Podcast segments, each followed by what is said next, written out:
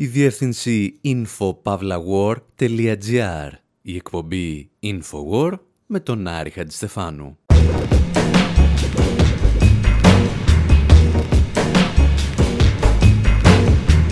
όπου σήμερα συζητάμε για έναν διπλωμάτη που τα έβαλε με τις ισχυρότερες μυστικές υπηρεσίες του πλανήτη και έχασε. Θυμόμαστε να τον συναντάμε στο Λονδίνο, ενώ θα έπρεπε να βρίσκεται κάπου κοντά στη Σαμαρκάνδη και ύστερα αναρωτιόμαστε γιατί του απαγορεύτηκε η είσοδος στις Ηνωμένες Πολιτείες. Μας διηγείται ιστορίες για τον μακαρίτη πρόεδρο του Ουσμπεκιστάν που κατηγορείται ότι έβραζε ζωντανούς τους αντιπάλους του. Και ύστερα αλλάζουμε εντελώς θέμα. Θυμόμαστε τον πατέρα της Σκά, τον Prince Buster, ο οποίος μας άφησε δυστυχώς χρόνους. Παρατηρούμε ότι δεν ήταν και από τα καλύτερα παιδιά, αλλά μαθαίνουμε ότι δεκάδες συγκροτήματα σε όλο τον κόσμο ίσως να μην είχαν υπάρξει χωρίς αυτόν. Once in Persia reigned a king who upon his royal reign carved these words so true and wise which when held before his eyes gave him counsel at a glance.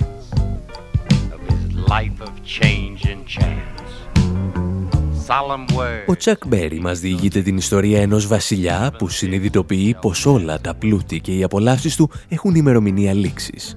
Κακογερνάνε και αυτά σαν τις ιδέες βασίλισσες του Βάρνελ. Ανάμεσα σε άλλα πολλά, ο Τσακ Μπέρι εξηγεί ότι ο βασιλιάς συγκέντρωνε τα αμύθιτα πλούτη του από το δρόμο του μεταξιού που περνούσε από τη Σαμαρκάνδη.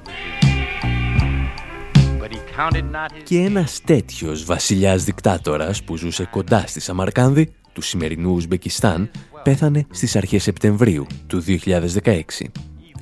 Ο Ισλάμ Καρίμοφ, από τους πλέον αιμοσταγείς ηγέτες που έχει γνωρίσει η ανθρωπότητα από το Δεύτερο Παγκόσμιο Πόλεμο και πάλι ποτέ αγαπημένο παιδί της Ουάσιγκτον και του Λονδίνου, δεν είναι πια μαζί μας. Το πρόβλημα, όπως ακούσαμε αυτήν την εβδομάδα, είναι ότι ακόμη και από τον τάφο εξακολουθεί να ταλαιπωρεί τα θύματα του και συγκεκριμένα τον Βρετανό πρώην πρέσβη Craig Murray. Over the weekend, the United States denied entry to an unsuspecting individual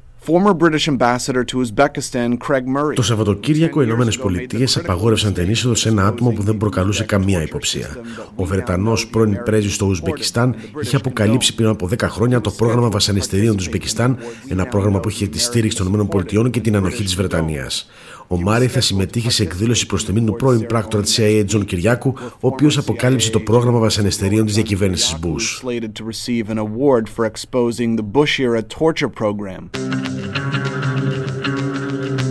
Ο Τζον Κυριάκου, αν θυμάστε, ήταν ο άνθρωπος της CIA, ο οποίος όταν ήρθε στην Αθήνα στρατολογούσε πράκτορες και κυνηγούσε τα μέλη της 17 Νοέμβρη, αλλά και Παλαιστίνιους αγωνιστές.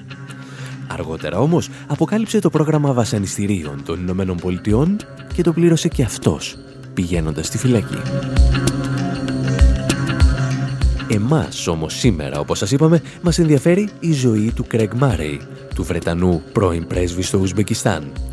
Και αυτή η ιστορία και η σχέση μαζί του ξεκινά κάπως έτσι.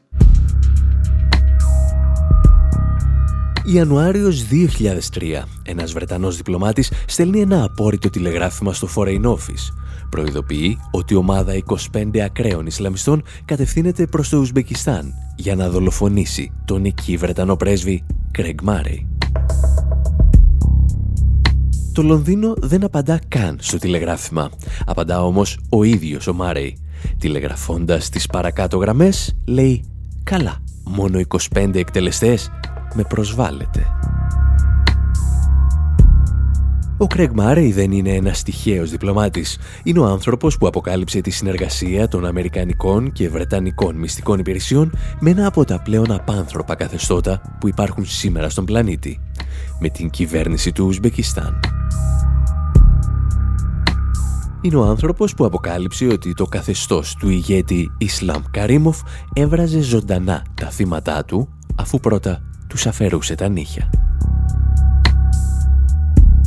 Είχα συναντήσει τον Κρέγ Μάρεϊ το 2011 στο κέντρο του Λονδίνου και εκεί μου διηγήθηκε μία από τις πιο συναρπαστικές ιστορίες διπλωματίας και ηρωισμού των τελευταίων δεκαετιών. Ο Μάρεϊ βρέθηκε στο Ουσμπεκιστάν στην πιο κρίσιμη φάση του λεγόμενου πολέμου εναντίον της διεθνούς τρομοκρατίας, λίγο μετά την 11η Σεπτεμβρίου και την εισβολή στο Αφγανιστάν. Την εποχή δηλαδή που οι Ηνωμένες Πολιτείες δημιουργούσαν στρατιωτικές βάσεις στο μαλακό υπογάστριο της πρώην Σοβιετικής Ένωσης. Και σε αυτή τη φάση το καθεστώς του Καρίμοφ ήταν σύμμαχος της Ουάσιγκτον και του Λονδίνου. Οι αυταπάτες που έτρεφε ο Κρέγ Μαρέ για τους στρατηγικούς συμμάχους της χώρας του έσβησαν λίγες μόλις ημέρες μετά την άφηξή του στην Τασκένδη. It's a totalitarian state. Um, Πρόκειται για ένα πολιταρχικό κράτος. Ουσιαστικά δεν υπήρξε καμία μεταρρύθμιση μετά την πτώση της Σοβιετικής Ένωσης. Απλώς αυξήθηκε η βαναυσότητα, η βία και η διαφθορά. Πρόκειται για ένα κράτος όπου όλοι φοβούνται το γείτονά τους. Μόνο στην Τασκένδη υπάρχουν 40.000 μυστικοί αστυνομικοί.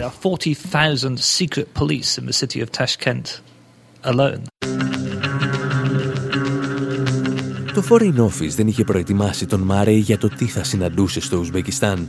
Οι μόνες διαταγές που είχε λάβει έλεγαν ότι θα πρέπει να στηρίζει τις αποφάσεις της Αμερικανικής πρεσβείας στην περιοχή. Α, και όταν φτάσει στην Τασκένδη, του είχε πει ο Βρετανός τότε υπουργός Εξωτερικών Τζακ Στρό να πει στην κυβέρνηση ότι την αγαπάμε. Γρήγορα ο Μάρεϊ συνειδητοποίησε ότι ο Καρίμοφ δεν είναι ακριβώς το πρότυπο του ανθρώπου που θέλεις να αγαπάς. Karimov is, you know, one of the most vicious dictators in the world. Um, man who's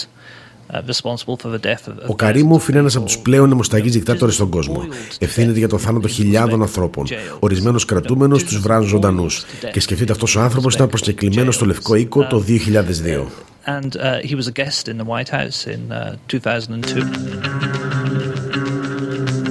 Από εκείνη τη στιγμή ο Μάρεϊ αποφασίζει να ξεσκεπάσει το καθεστώς του Καρίμοφ και θα το πληρώσει ακριβά.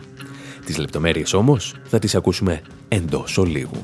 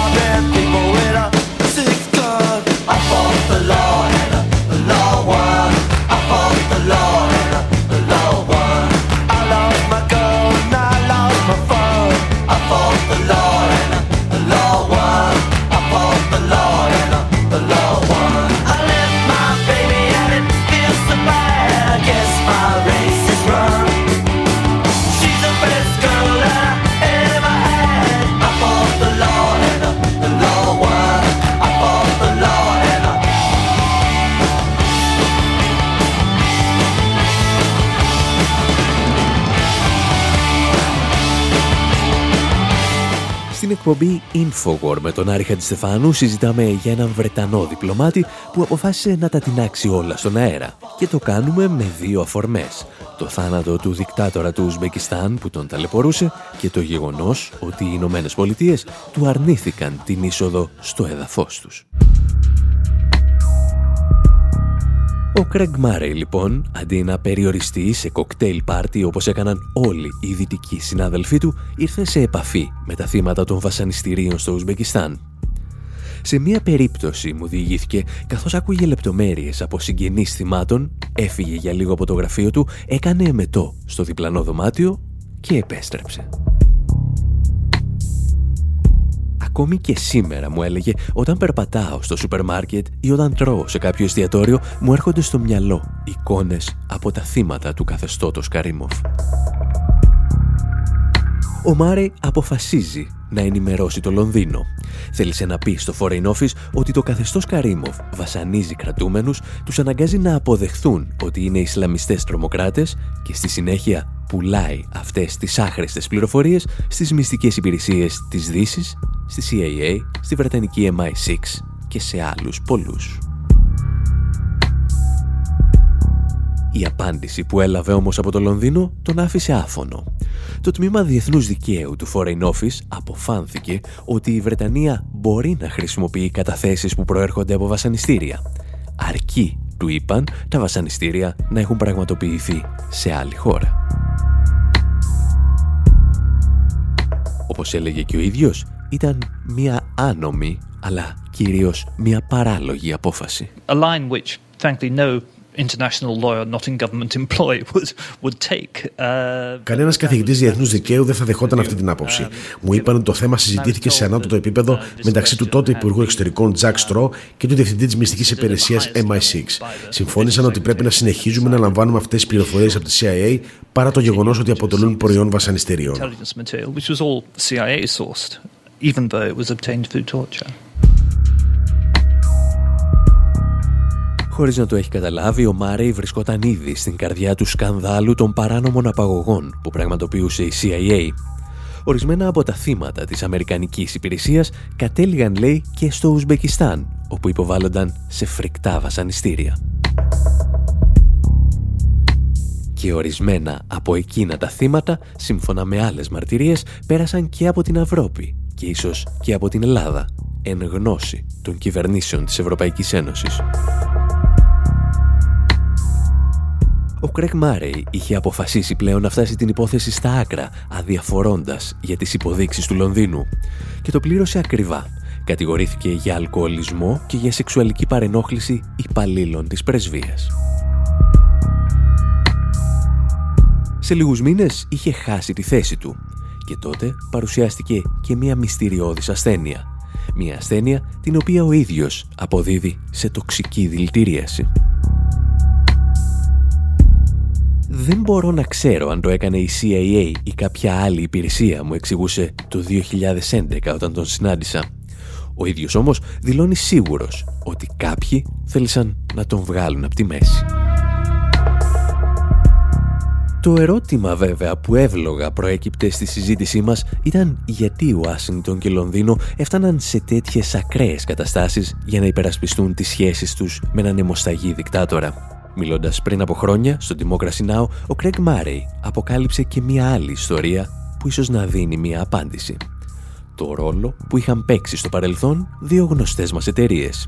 Η Enron, η οποία ως γνωστόν κατέρευσε, και η Halle Barton, εταιρεία του πρώην Αντιπροέδρου των Ηνωμένων Πολιτειών, Dick Cheney. Enron uh, cut a deal uh, with Uzbekistan to exploit Um, η Ένων είχε κλείσει μια συμφωνία με το Ουσμπεκιστάν για την εκμετάλλευση φυσικού αερίου. Η Κεντρική Ασία έχει τα μεγαλύτερα ανεκμετάλλευτα αποθέματα φυσικού αερίου και πετρελαίου στον κόσμο. Το Ουσμπεκιστάν έχει κυρίως φυσικό αέριο και λόγω του μεγέθους της χώρας κυριαρχεί σε ολόκληρη την περιοχή. Γι' αυτό το λόγο η Ένερον, η Χάλιμπορντ και όλες οι εταιρείες που σχετίζονται με τον George Bush ζητούσαν τη διατήρηση του Καρύμοφ στην εξουσία. Ο πόλεμος κατά της τρομοκρατίας ήταν απλώς το πρόσχημα για αυτή την συνεργασία. Ήθελαν να αποδείξουν ότι η αντιπολίτευση στο Ουσμπεκιστάν είναι Ισλαμική. Και για να το αποδείξουν χρειάζονταν τα πλαστά στοιχεία που παρήγαγε η κυβέρνηση.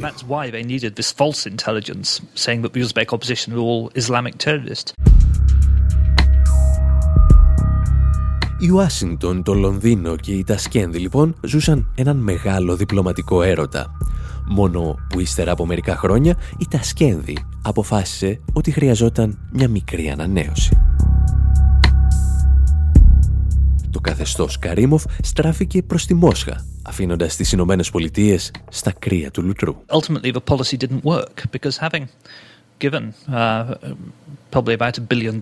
η πολιτική των ΗΠΑ δεν απέδωσε. Αφού έδωσαν περίπου ένα δισεκατομμύριο δολάρια στην κυβέρνηση του Ουσμπεκιστάν, αυτή έκλεισε συμφωνία με τη ρωσική εταιρεία Gazprom. Ουσιαστικά πέταξαν έξω τους Αμερικάνους. Οι ΗΠΑ δεν αποχώρησαν με τη θέλησή τους.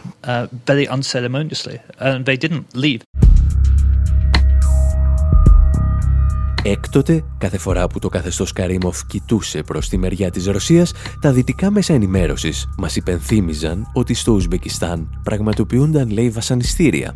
Προσκαλούσαν μάλιστα ακόμη και τον Κρέγ Μάρεϊ σε συνέδρια για να διηγηθεί τις ιστορίες του. Γιατί ως γνωστόν, αυτά αρχικά δεν είναι τα καθεστώτα που δολοφονούν και βασανίζουν τους πολίτες τους. Αυτά αρχικά είναι τα καθεστώτα που δεν συνεργάζονται με εμάς, τους δυτικούς.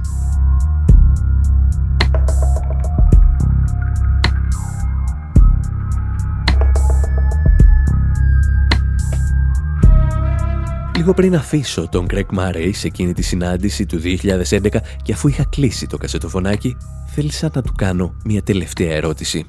Μετανιώσατε ποτέ που την άξατε στον αέρα μια λαμπρή διπλωματική καριέρα; Τα θύματα απαγωγών της CIA, μου είπε, πέρασαν από χώρες της Ευρώπης και εκεί κάποιοι αξιωματούχοι, σαν εμένα, έκαναν τα στραβά μάτια, ενώ γνώριζαν ότι αυτοί οι άνθρωποι θα υποστούν φρεκτά βασανιστήρια. «Δεν είμαι ήρωας», συνέχισε, ενώ σηκωνόταν για να φύγει. «Απλώς κάποιοι έχουν πέσει τόσο χαμηλά που κάνουν εμένα να ξεχωρίζω». Ιστορίες που μας διηγούνταν ο Βρετανός πρώην διπλωμάτης Κρέγ Μάρεϊ Ιστορίες που θυμηθήκαμε με αφορμή το θάνατο του Ουσμπέκου δικτάτορα Ισλάμ Καρίμοφ. Εσείς πάλι μένετε εδώ, γιατί στο δεύτερο μέρος της εκπομπής επιστρέφουμε με σκά ιστορίες. Δυστυχώς και πάλι με αφορμή ένα θάνατο.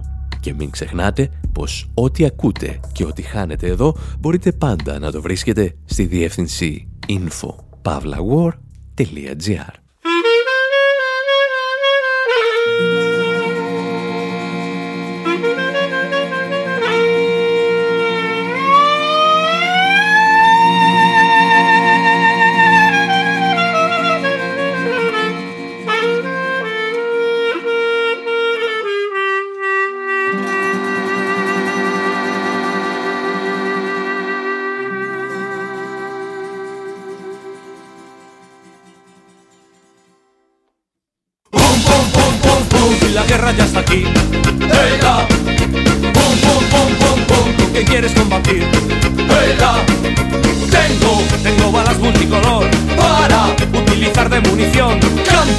música nuestro fusil. Y la respuesta es Kalashnikov, Kalashnikov, Kalashnikov, Kalashnikov.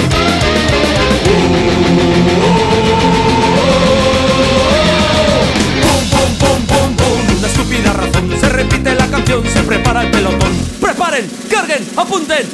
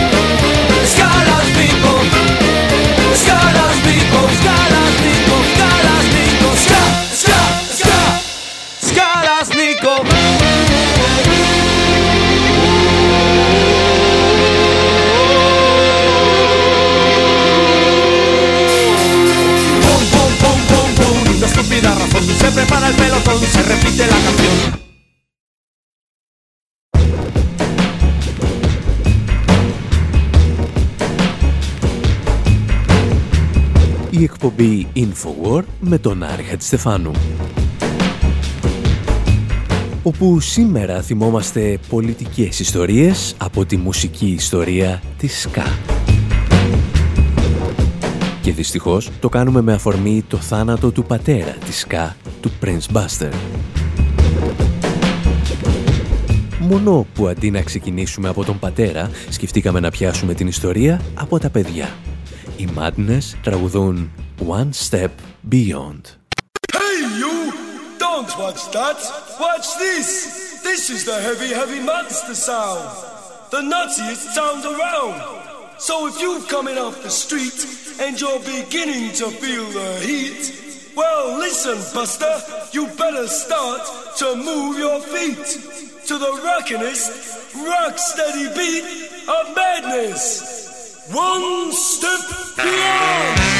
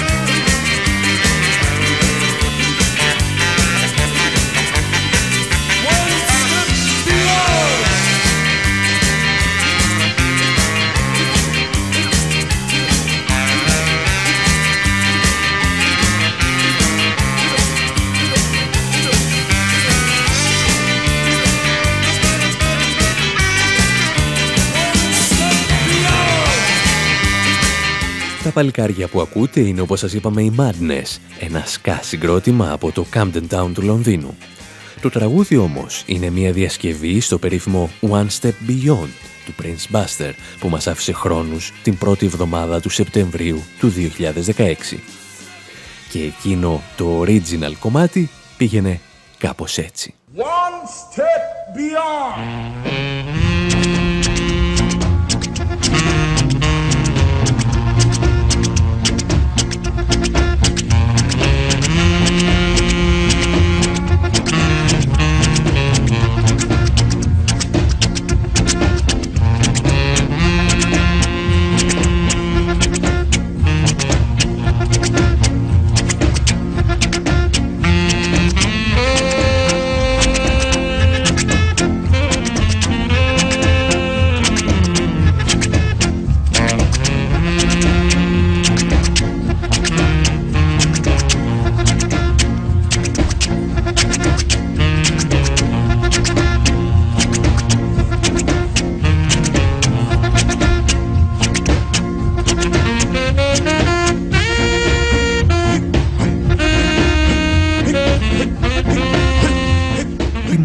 Δεν δανείζονται μόνο ένα τραγούδι από τον Prince Buster.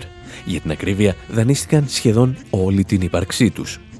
Το πρώτο τους τραγούδι που έγινε επιτυχία ονομαζόταν Prince, προς τιμήν του Buster. Ακόμη και το όνομά τους όμως προκύπτει από ένα τίτλο ενός άλλου τραγουδιού του πρίγκιπα της τζαμαϊκανής σκά σκηνής.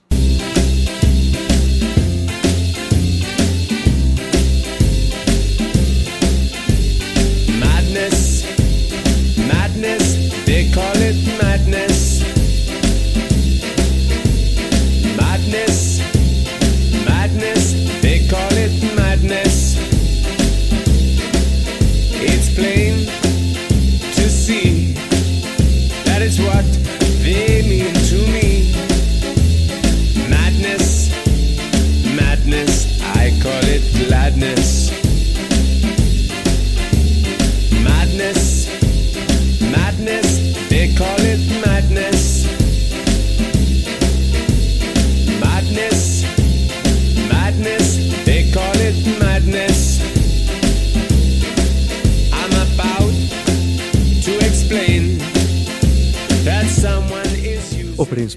Λοιπόν άφησε τον διόλου μάταιο ετούτο κόσμο σε ηλικία 78 ετών. Και αν διαβάσετε τα επικίδια σημειώματα που γράφτηκαν στις μεγαλύτερες εφημερίδες του πλανήτη, θα διαπιστώσετε ότι οι συντάκτες είχαν ένα μικρό προβληματάκι να δικαιολογήσουν το παρελθόν του. Γιατί ο Prince Buster δεν ήταν αυτό που λέμε καλό παιδί. Ήταν σκληρός σαν τον Αλ Καπόνε, αν και στα δικά του μικρότερα κυβικά. Capone guns don't argue. Πλανόδιος παλαιστής, μουσικός και αρχηγός αρκετών μικρών συμμοριών, ο Μπάστερ άρχισε να ασχολείται με τη μουσική τη δεκαετία του 50 καταφέρνοντας να συνδυάσει την jazz που άκουγε η μεσαία τάξη της Τζαμάικα με την αμερικανική pop και τη μέντο που ήταν μουσική των κατώτερων τάξεων, δημιούργησε μαζί με άλλους καλλιτέχνες την ska. Και αυτό το δημιούργημα έχει την τάση να είναι απέθαντο, γιατί πάνω που νομίζεις ότι χάνει τη δύναμή του, απλώς μεταναστεύει σε κάποια άλλη περιοχή του πλανήτη και την καταλαμβάνει. Και σήμερα είπαμε να θυμηθούμε μερικές στιγμές από αυτό το ταξίδι. Θα ξεκινήσουμε ελαφρώς ανάποδα από τα πρώτα σκά βήματα του Bob Marley για να μεταφερθούμε αργότερα μέχρι τη Μεγάλη Βρετανία.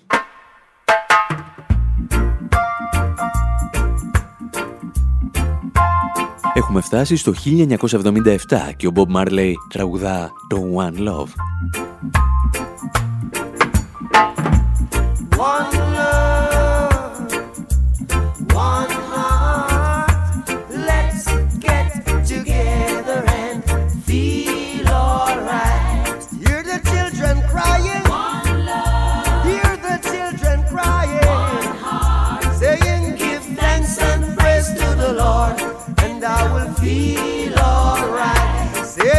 Μόνο που στη συγκεκριμένη περίπτωση κλέβει. Κλέβει τον εαυτό του, γιατί η πρώτη εκτέλεση του Unlove που ο ίδιος είχε παρουσιάσει το 1965 δεν ήταν σε ρυθμούς ρέγγε, αλλά σε ρυθμούς ska και ακουγόταν ως εξής.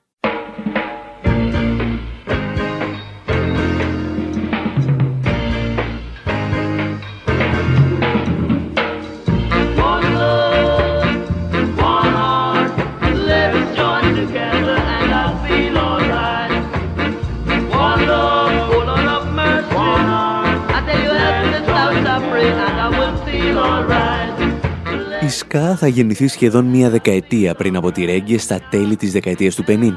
Οι κάτοικοι της Τζαμάικα που μέχρι τότε άκουγαν δικές τους μουσικές όπως η Μέντο και Καλύψο της Καραϊβικής αρχίζουν να αγοράζουν μικρά τρανζιστοράκια. Και από αυτά τα διαολεμένα μηχανήματα ακούγονται διαφορετικοί ήχοι, όπως η Rhythm and Blues και κάτι περίεργη κύριοι από τη Νέα Ορλεάνη, όπως ο Fats Domino.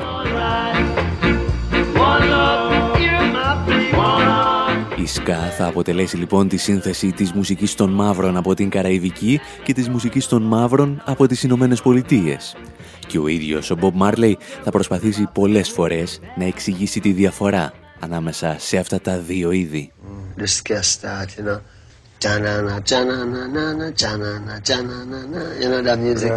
From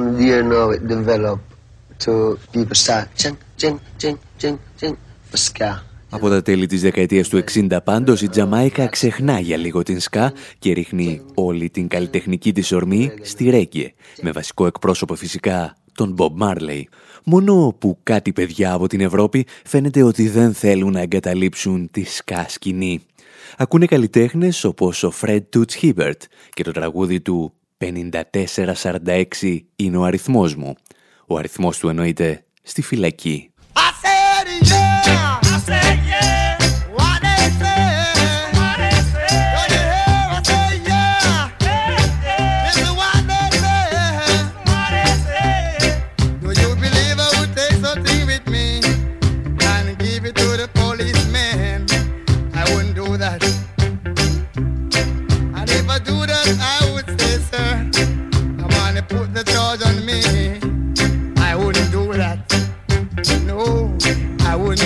that.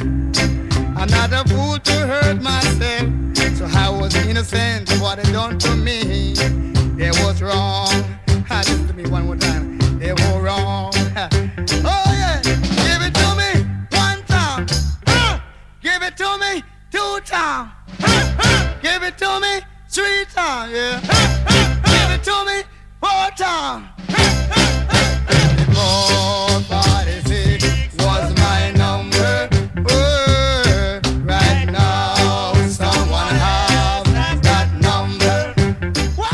«5446 ήταν ο αριθμός μου», τραγουδά ο Fred Toots Hilbert. Τραγουδά για μια προσωπική ιστορία. Ο Τούτς βρέθηκε στη φυλακή όταν συνελήφθη να προσφέρει μερικά γραμμάρια μαριχουάνας σε έναν αστυνομικό. Αλλά ακόμη και αν είχα αυτό το πράγμα πάνω μου, λέει, πιστεύετε ότι θα το έδινα στον κύριο αστυνόμο;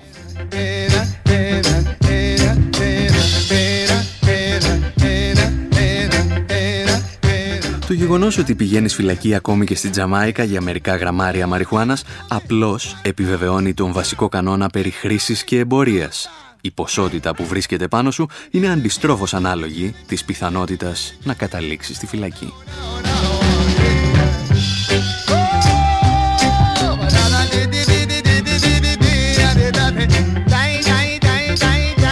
Τραγούδι 5446 είναι το πρώτο κομμάτι της μουσικής ska που θα περάσει τον Ατλαντικό για να γίνει μεγάλη επιτυχία στην Ευρώπη. Και εκεί, κάπου στη Μεγάλη Βρετανία, συναντά τους Specials,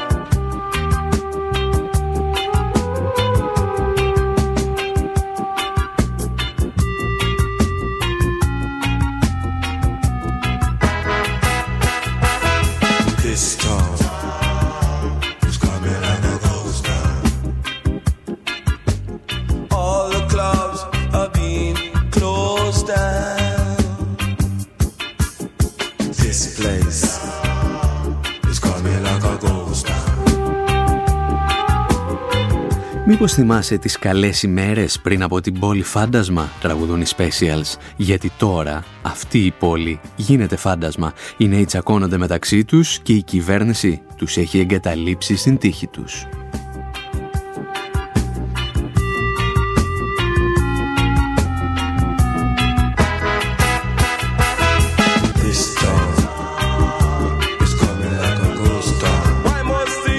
Αυτή η πόλη γίνεται πολύ φάντασμα τραγουδούν οι specials. Κανένας δεν βρίσκει δουλειά και ο κόσμος αρχίζει να τα παίρνει.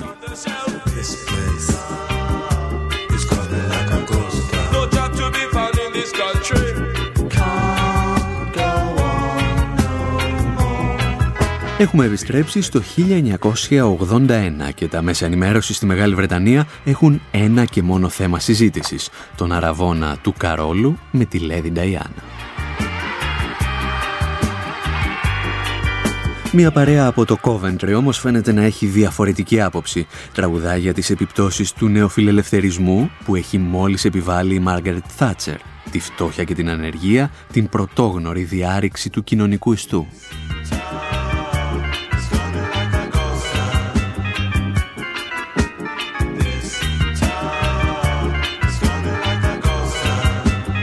Η κυκλοφορία του τραγουδιού Ghost Town συμπίπτει με τις εξεγέρσεις που συγκλονίζουν τα μεγάλα αστικά κέντρα, το Brixton στο Λονδίνο, το Toxteth στο Λίβερπουλ.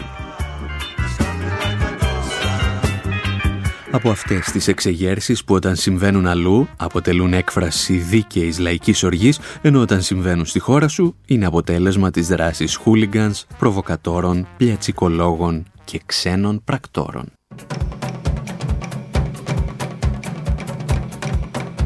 Όπως κάθε βρετανικό συγκρότημα της εποχής που σέβεται τον εαυτό του και όχι μόνο τις δισκογραφικές εταιρείες, οι Specials κηρύσουν ανηρήνευτο πόλεμο με την Μάργαρετ Θάτσερ.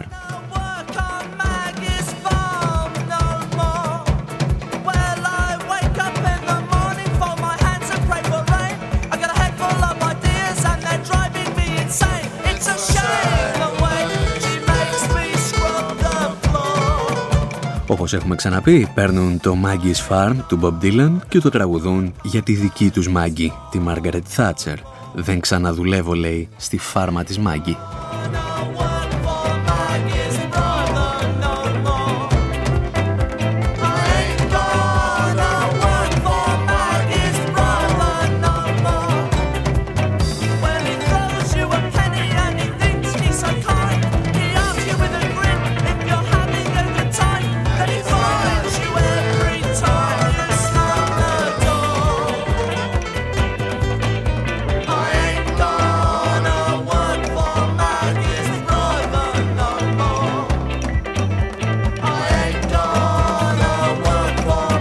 Οι Specials δεν είναι ένα τυχαίο συγκρότημα της εποχής. Ο ήχος τους, δηλαδή η ska μουσική, έρχεται απευθείας από τις φτωχογειτονιές της Τζαμάικα.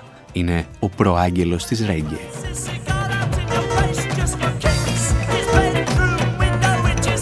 Το συγκρότημα όμως ίσως να είχε μείνει για πάντα στην ανυπαρξία εάν ένα βράδυ δεν ερχόταν σε μία συναυλία τους κάποιος κύριος Τζο Στράμερ, η ψυχή των κλάς.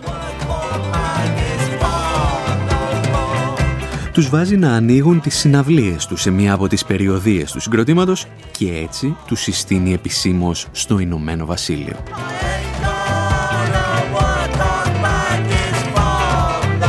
Έχει έρθει όμως η στιγμή για τους specials να τσιγκλίσουν αυτό το βασίλειο με τραγούδια όπως το Too Much Too Young, μια οδή στα προφυλακτικά και την αντισύλληψη, ένα κατηγορό στους Βρετανούς που παντρεύονται μικροί και κλείνουν τη ζωή τους σε ένα μικρό, μικρό σπιτάκι.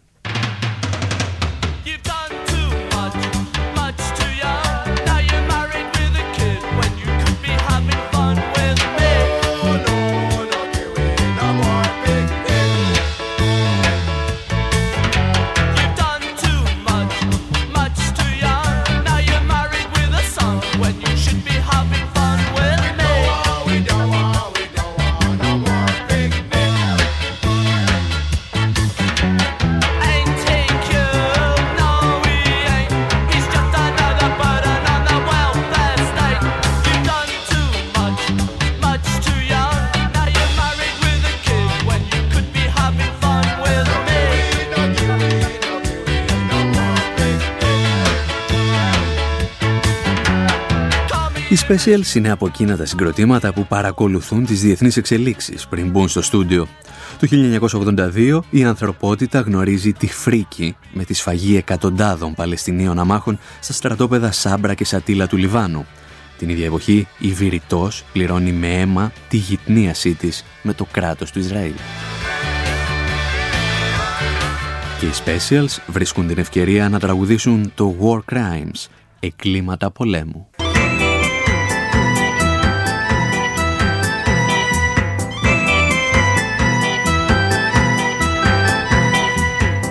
Από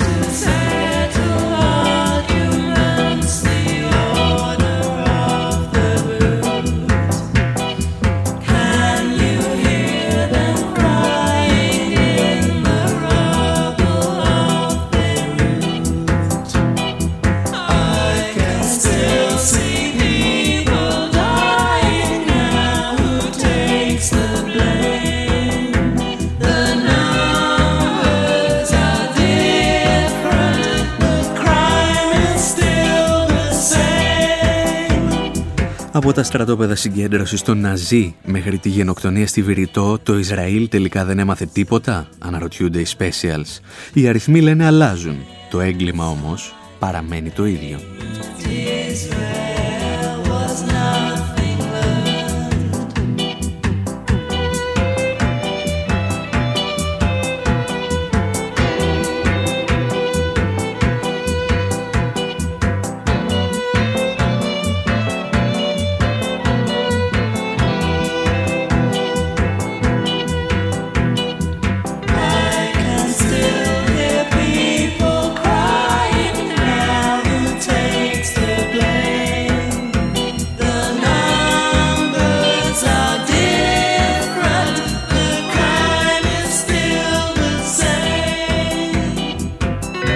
Και από το Απαρτχάιντ του Ισραήλ, οι Specials θα περάσουν σύντομα και στο φιλοφασιστικό Απαρτχάιντ της Νότιας Αφρικής. Τραγουδούν για τον Νέλσον Μαντέλα.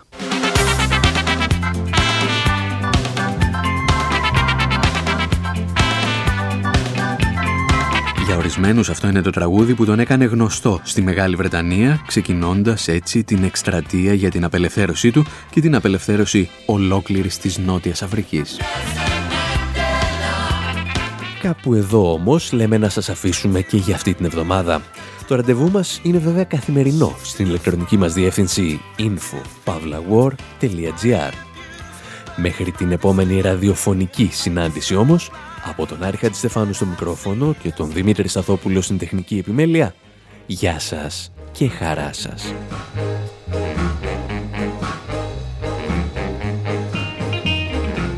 Him up, you lick him down, him bounce right back. What a hard man for dead. You pick him up, you lick him down, him bounce right back. What a hard man for dead. Uh.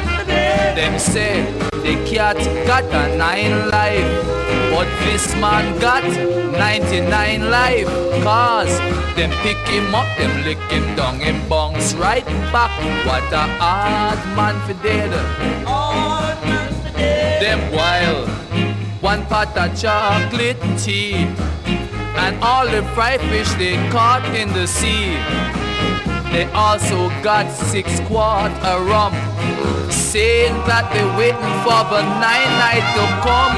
The last time I heard them say that this man was dead. Was dead. Them biting black eyes and them lay all upon his head. Now the procession leads to the cemetery. The man holla don't you bury me? You pick him up, you lick him down, him bounce right back. What a hard man for dead.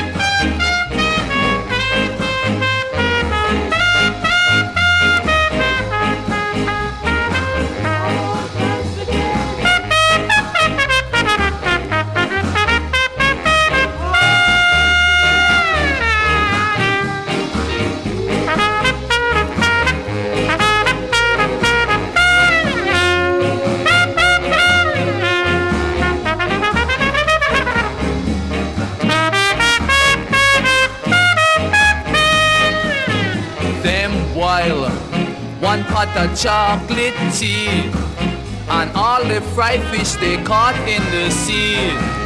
They also got six quart of rum, saying that they waiting for the nine night to come. The last time I heard them say that this man was dead. Them biting black eyes and them lit all upon his head. You should see them going to the cemetery. The whole man holler out, don't you bury me?